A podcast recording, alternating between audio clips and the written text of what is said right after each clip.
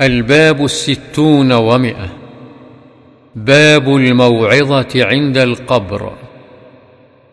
عن علي رضي الله عنه قال كنا في جنازة في بقيع الغرقد فأتانا رسول الله صلى الله عليه وسلم فقعد وقعدنا حوله ومعه مخصرة.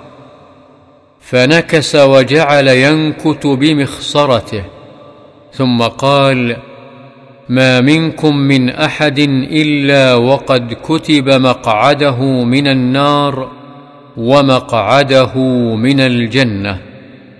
فقالوا يا رسول الله أفلا نتكل على كتابنا؟ فقال اعملوا فكل ميسر لما خلق له. وذكر تمام الحديث. متفق عليه.